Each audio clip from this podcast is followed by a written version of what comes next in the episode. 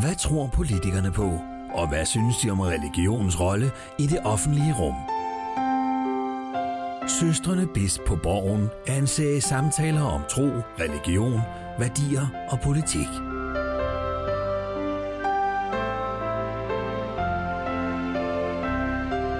Dagens vært er biskop Tine Lindhardt. Religion er en privat sag. Det er et udsagn, man ofte hører, også fra politikere. Min gæst i dag, Socialdemokraten Mathias Tesfaye, er ikke enig. Men han mener, at religion er en personlig sag. Han er ikke selv medlem af Folkekirken, men han er heller ikke ateist. Mathias Tesfaye og jeg skal tale om tro og politik. Vi skal tale om, hvorvidt de to ting hænger sammen, og i givet fald hvordan. Eller måske støder de endda sammen. Velkommen til Søstrene Bisp på Borgen.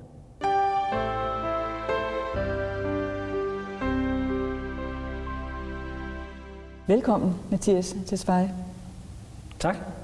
Der er mange, der øh, siger, at religion, tro er en øh, privat sag.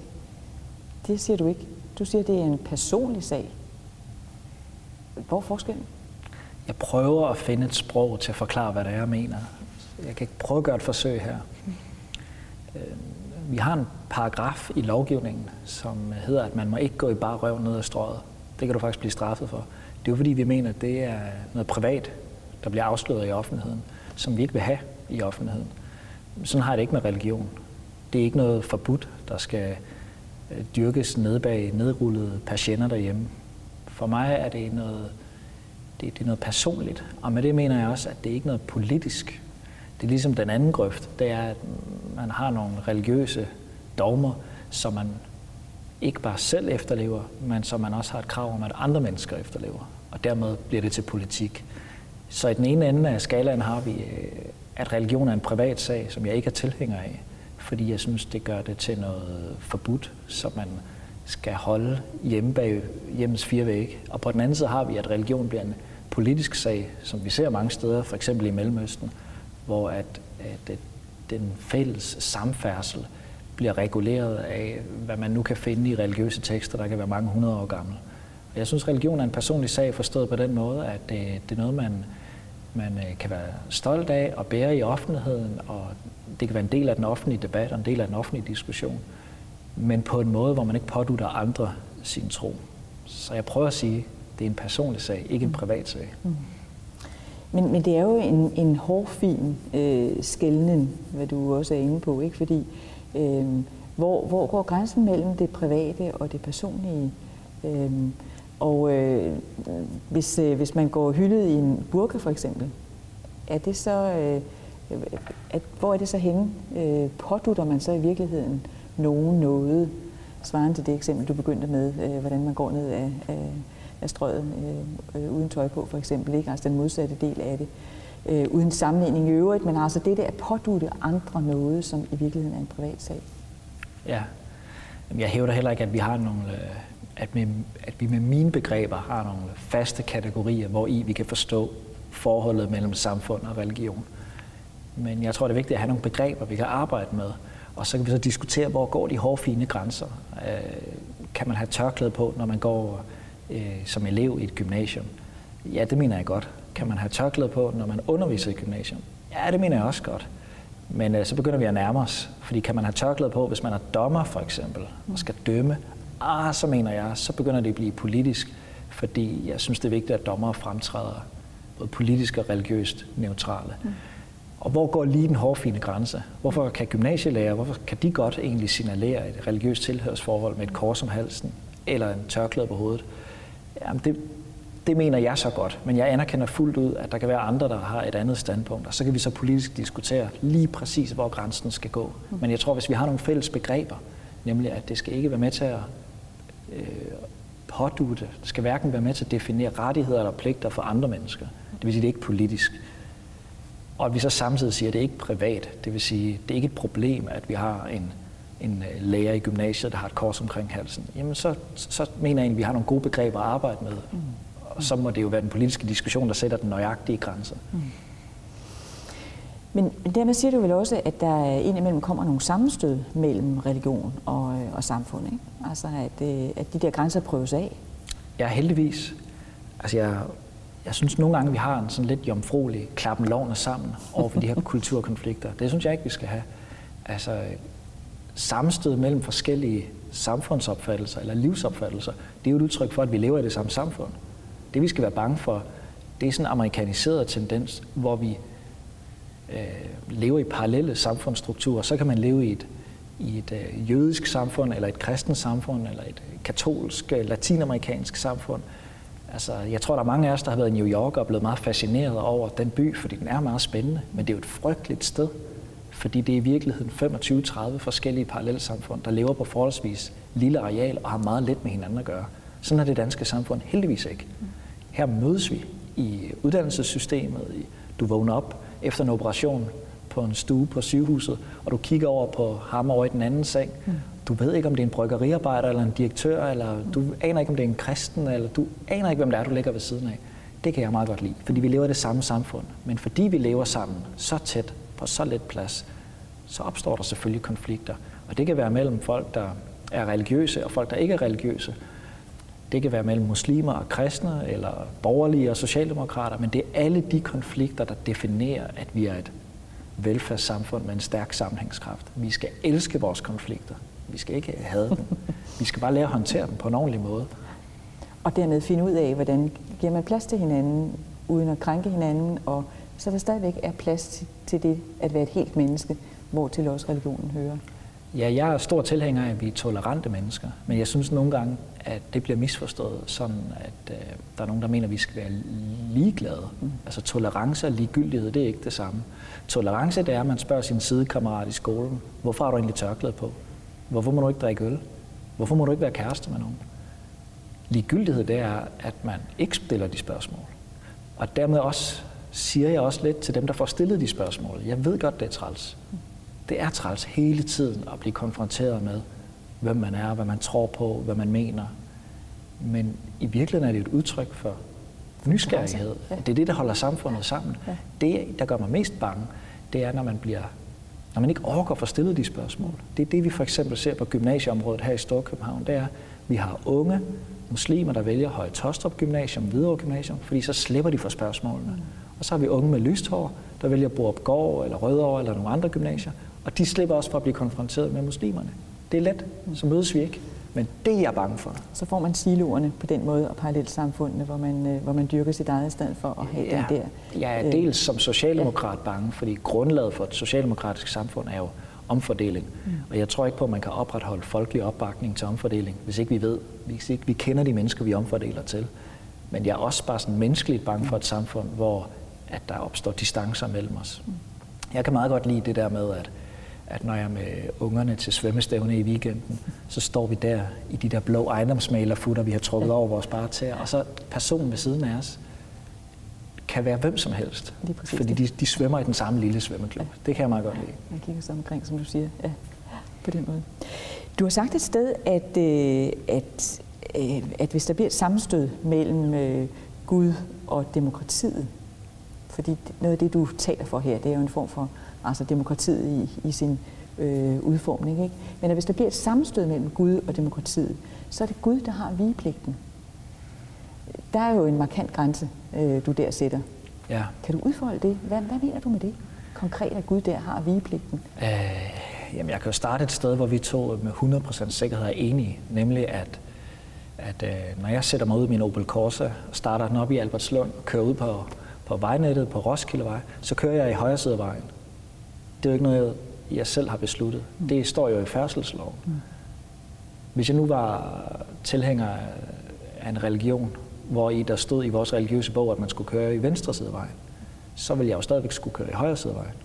Fordi hvis jeg har færdselsloven og den religiøse lov, så må det alligevel være Gud, der har vigepligt. Mm. Det betyder, at jeg kører i højre side af vejen. Fordi ellers kan den fælles samfærdsel jo ikke fungere, hvis ikke vi retter os efter de samme regler. Det kan enhver idiot forstå. Mm. Sværere bliver det, hvis vi for eksempel diskuterer mad i daginstitutioner. Jeg bor i en kommune, hvor halvdelen af alle børn, øh, groft sagt, øh, ikke spiser svinekød. Og der er i nogle daginstitutioner nogle forældre, der siger, jamen, øh, vi bryder os ikke om, at vores kyllingestykker på panden er stigt efter der har været svinekød på panden. Så kan I ikke sørge for enten at have to pander, eller have en pande til svinekød og en pande til kyllingekød. Og så siger madmor ude i køkkenet, prøv at høre, det bliver sgu for indviklet det der. Det kan jeg ikke styre. Jeg skal nok sørge for, at der er noget kyllingekød. Men jeg kan ikke ligesom lade religiøse regler diktere. Her er der en kommunalbestyrelse, der har truffet beslutning om, at vegetarer får særhensyn. Folk, der er allergikere får særhensyn. Og vi tager også religiøse særhensyn i det omfang, at vi sørger for, at de dage, hvor der er svinekød, så er der også noget andet. Mm. Men vi kan ikke ligesom begynde at lade religionen trumfe, hvad der skal først på panden. Mm. Fordi her må der alligevel være kommunalbestyrelsens demokratisk vedtagende regler, der gælder. Mm. Og jeg plejer at sige det på den måde, at, at andre kulturer, også religiøst betingede andre kulturer, kan være et supplement, ikke en erstatning til de fælles spilleregler, vi har. Så jeg er stor tilhænger af, at vi tager hensyn, men jeg er ikke stor tilhænger af, at, at vi begynder at, at bakke på vores egne demokratisk vedtagende beslutninger for at tage religiøse særhensyn. Men er risikoen ikke, at man på den måde kan komme til i en tilspidset situation, at gøre demokratiet til Gud? Altså hvis man siger, at, at det er Gud, der skal have vigepligten i enhver sammenhæng over for demokratisk valgte spilleregler i et samfund. Nu tænker jeg ikke så meget på at køre i højre side af vejen, men, men hvis man går tilbage til, til 2. verdenskrig for eksempel, øh, hvor, hvor, øh, eller en anden øh, krigssituation, hvor et, et demokratisk valgt øh, øh, ja, styre, øh, regime beslutter sådan og sådan. Men man kan se, at det, det gør man så modstand imod. Ikke? Altså, øh, hvad man jo gjorde under 2. verdenskrig og modstandskampen, det var jo sådan set at gå imod noget demokratisk valgt. Er der ikke risikoen for, hvis man siger, at det altid er Gud, der har vigepligten, at så kommer der samme stød der? Og der er ikke nogen tilfælde, hvor Gud ikke har vigepligten? Altså i gamle dage havde man jo en fyrste, der både var overhovedet over kongen, øh, undskyld, over kirken og over øh, øh, voldsapparatet, altså staten. Mm. Og nu har vi så prøvet at sige, giv kongen sit, og giv, mm. eller giv kirken sit, og kejseren sit, eller hvad det er, vi siger. Ikke? Og det synes jeg er godt. Fordi et samfund er jo reguleret af paragrafer. Det er det, vi vedtager inde i det her hus. Men vi kan jo ikke detaljregulere alting. Derfor er der også nødt til at være en etik nedenunder juraen, ellers så brænder samfundet sammen. Og den etik er for manges vedkommende, uanset om de er religiøse eller ej, jo i et dansk samfund begrundet i sådan kristne, sådan lutherske værdier. Og i den forstand øh, tror jeg også, man skal passe på med, hvis det er det, du fisker efter, at opbygge en modsætning mellem øh, teologi og jura, altså mellem religion og politik. Mm. Jeg siger bare, at i det omfang, at det kolliderer, så er vi nødt til at være meget klare på, hvem der, er, der har forrang. Og der er det altså de demokratisk vedtagende regler. Og med det mener jeg ikke, at demokratiet er blevet Gud, men det, med det mener jeg, at demokratiet, politikerne, regeringen øh, er fyrste. Ja. Ja. ja. Og, og det er vi jo meget enige om, at, at øh, øh, altså, ser jeg også på det.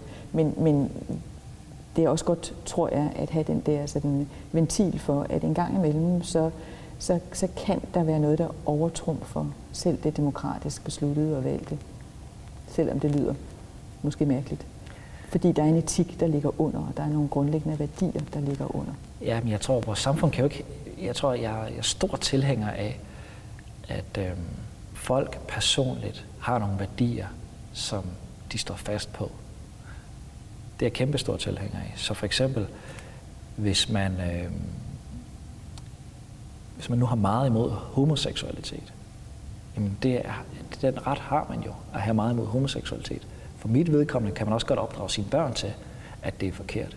Jeg synes bare, det er vigtigt, at, at i det omfang, at ens barn så kommer hjem og siger, nu er jeg blevet kæreste med en af samme køn, mm. så lever man også i et samfund, som har besluttet sig for, at homoseksualitet er i orden. Og så må man også anerkende det. Så kan du ikke presse dine egne værdier ned over hovedet på et andet menneske, i det her tilfælde din egen søn. Du kan forfægte dine egne synspunkter, alt det du vil, men i det omfang, at det ligesom kolliderer mod de fælles vedtagende spilleregler, så må du acceptere, at resten af samfundet vil noget andet, end du selv vil. Og de her diskussioner bliver jo meget aktuelle. Nu diskuterer vi omskæringsforbud, og øh, altså religionens rolle i samfundet er jo virkelig mere til debat nu, end den var for 10-20 år siden. Mange år siden, ja. Når vi nu øh, taler om det her øh, med, med, med religionens rolle, øh, så er der jo også øh, grundlovens paragraf 4, som giver en bestemt religion en forrang, nemlig øh, den evangelisk-lutherske øh, kirke og tro, ikke? Øh, folkekirken, fordi den er skrevet ind i, i grundloven. Der er jo mange, der vil sige, at det her det er jo en, en, en uheldig sammenblanding af øh, tro og politik, religion og politik. Hvordan ser du på det? Vi plejer at sige uh, herinde på Christiansborg, at vi har religionsfrihed i Danmark, men vi har ikke religionslighed. Det synes jeg egentlig er en meget præcis måde at sige det på. Og jeg har selv det udgangspunkt, helt generelt i tilværelsen, men også særligt vil jeg sige i politik. Der er sådan et godt engelsk ordsprog, der hedder, if it ain't broken, why fix it? Det synes jeg er utrolig korrekt. Det og det gælder også folkekirken og staten. Det, det betyder også, at øh, Øhm, det er fint nok, at folk har mange revolutionære tanker om, at vi skal have et andet øh, forhold mellem kirke og stat i Danmark. Men jeg synes, at de mennesker skulle starte med at pege på problemet. Ikke som en teoretisk problem omkring, at man ønsker sig en sekulær forfatning, men som, hvor er de praktiske problemer i vores samfund ved, at vi har en folkekirke? Dem kan jeg simpelthen ikke få øje på. Det kan godt være, at man har nogle principielle overvejelser, men i virkeligheden kan jeg ikke få øje på problemet. Når jeg så kombinerer det med, at jeg synes, vi er så heldige i Danmark, at vi har en virkelig en folkelig kirke, som ikke er øh, hverken teologisk eller politisk radikal, men som i virkeligheden har, altså, er en mainstream kirke, så er det en kæmpe gevinst for vores samfund. Og jeg er lidt nervøs ved, at hvis vi adskiller kirken, så vil det blive øh, mere radikaliserede kræfter, som vil overtage menighedsråd, og så vil der blive prædiket øh, længere væk fra mainstream, og det kan sådan set både være politisk til den ene eller den anden side. Jeg er faktisk bange for, at vi vil få en politiseret kirke. Mm. Herom bag ved mig hænger der et billede af, af vores gamle partiformand Torvald Stavning. Han mm. sagde, øh, som et forsvar for folkekirken, så sagde han, hold kirken tæt, ellers er fanden løs.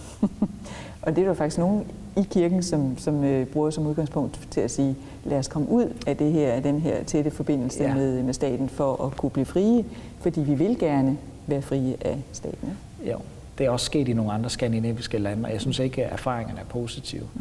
Jeg synes, øh, den danske folkekirke og mange præster og biskopper er gode og aktive deltagere i den offentlige debat, og kommer nogle gange med nogle perspektiver, som vi i den daglige paragrafrytteri herinde ikke lige altid får husket os selv på. Og det synes jeg er vigtigt.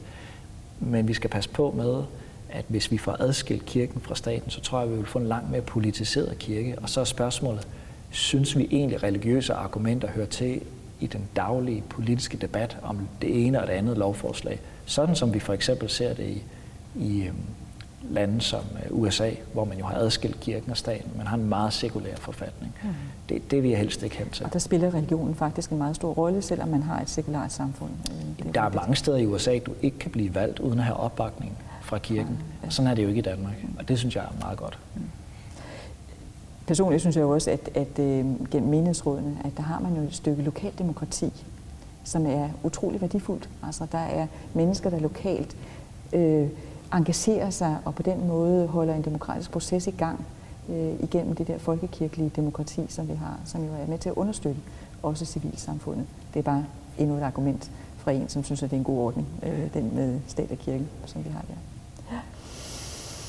Ja, vi har talt lidt om, om værdier. Du siger, at der hele tiden der ligger jo også nogle værdier bag sådan den konkrete måde, man laver politik på. Og en af dine værdier, som du øh, har taget med i den her sammenhæng, det er noget med arbejde. Øh, arbejdet er kilden til alt godt, siger du. Hvorfor er det en vigtig værdi for dig, og hvordan? Jamen, altså, jeg voksede op i 80'erne øh, med kartoffelkur og hvad det hed. Og min mor var arbejdsløs i mange år.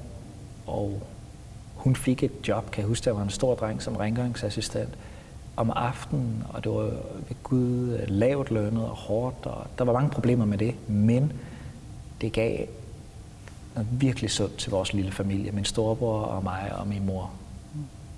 Altså, der kom struktur på tilværelsen og noget stolthed, og øh, det synes jeg er vigtigt. Og jeg sammenligner det nogle gange med, hvis man hjælper en kammerat med at flytte op på fjerde sal, så slæber man jo flyttekasser op og ned ad trapper.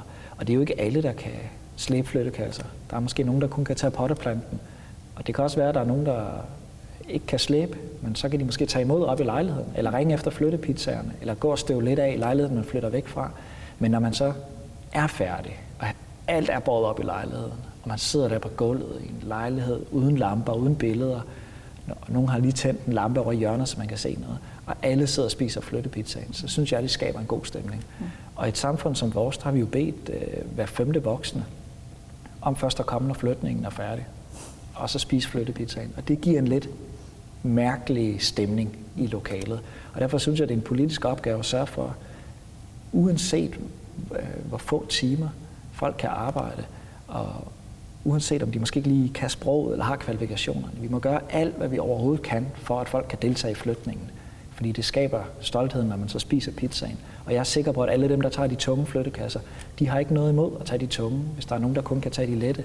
Bare alle bidrager med det, de kan. Mm.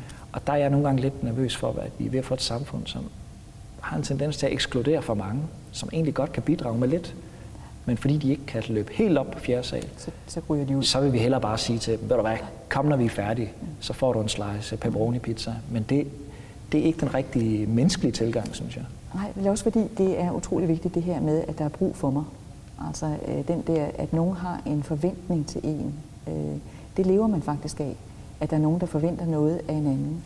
Øh, Jamen, jeg vil da sige det, hvis du kan kun respektere folk, hvis du forventer noget ja, af dem. Der, der ligger noget med, at man regner med, og at man regner for noget. Ikke? Jo. Ja. Og det tror jeg bare, det er jo det mange børn i familier, der vokser op med forældre, der ikke går på arbejde. Det de jo egentlig får ud af det, det er, der er ingen, der, der kan bruge mine forældre til noget. Og det er en frygtelig måde at vokse op på. Så derfor så er jeg stor tilhænger af, om det så er nogle timer, hvor man hjælper til nede i den lokale fodboldklub med at få samlet nogle kejler, nogle bolde ind, eller hvad det er. Bare man har en funktion. Jeg tror helt tilbage, da vi levede i hulerne, og mændene gik på jagt, og kunderne samlede bær, og de gamle sad hjemme ved bålet og fortalte røverhistorier. Alle havde en funktion. Og i det øjeblik, folk ikke får en funktion mere, så bliver de jo, vi er jo sociale mennesker, så vi vil gerne give og tage fra hinanden. Og i det øjeblik, at man ligesom ikke skal give noget, så mister du også lidt af din menneskelighed. Ja, det gør man. Og helt præcist. Ja. Man, bliver, man bliver et nummer på en eller anden led, øh, på en anden måde. Ja. Ja. Det, er jo, det er jo faktisk et godt luthersk princip, det her med, øh, med arbejde, øh, som, som øh, er øh, kilden til alt godt. Altså det her med også ansvarligheden ind i et samfund, at øh, man hjælper sit medmenneske gennem at påtage sig det arbejde, man nu kan. Altså at andre ikke skal bære ens byrde, men man bærer den selv og bidrager på den måde ind i samfundet. Egentlig uden at spekulere på, om man selv får noget ud af det. Ja, jeg ved jo, at der er jo i mit eget parti øh, flere, der interesserer sig meget for, hvad der er, der sker med de europæiske socialdemokratier for tiden. Og de steder, hvor øh, den sådan, tyske lutheranisme ligesom har stået stærkest, der står de socialdemokratiske partier også stærkest, fordi den etik jo fylder meget i vores parti.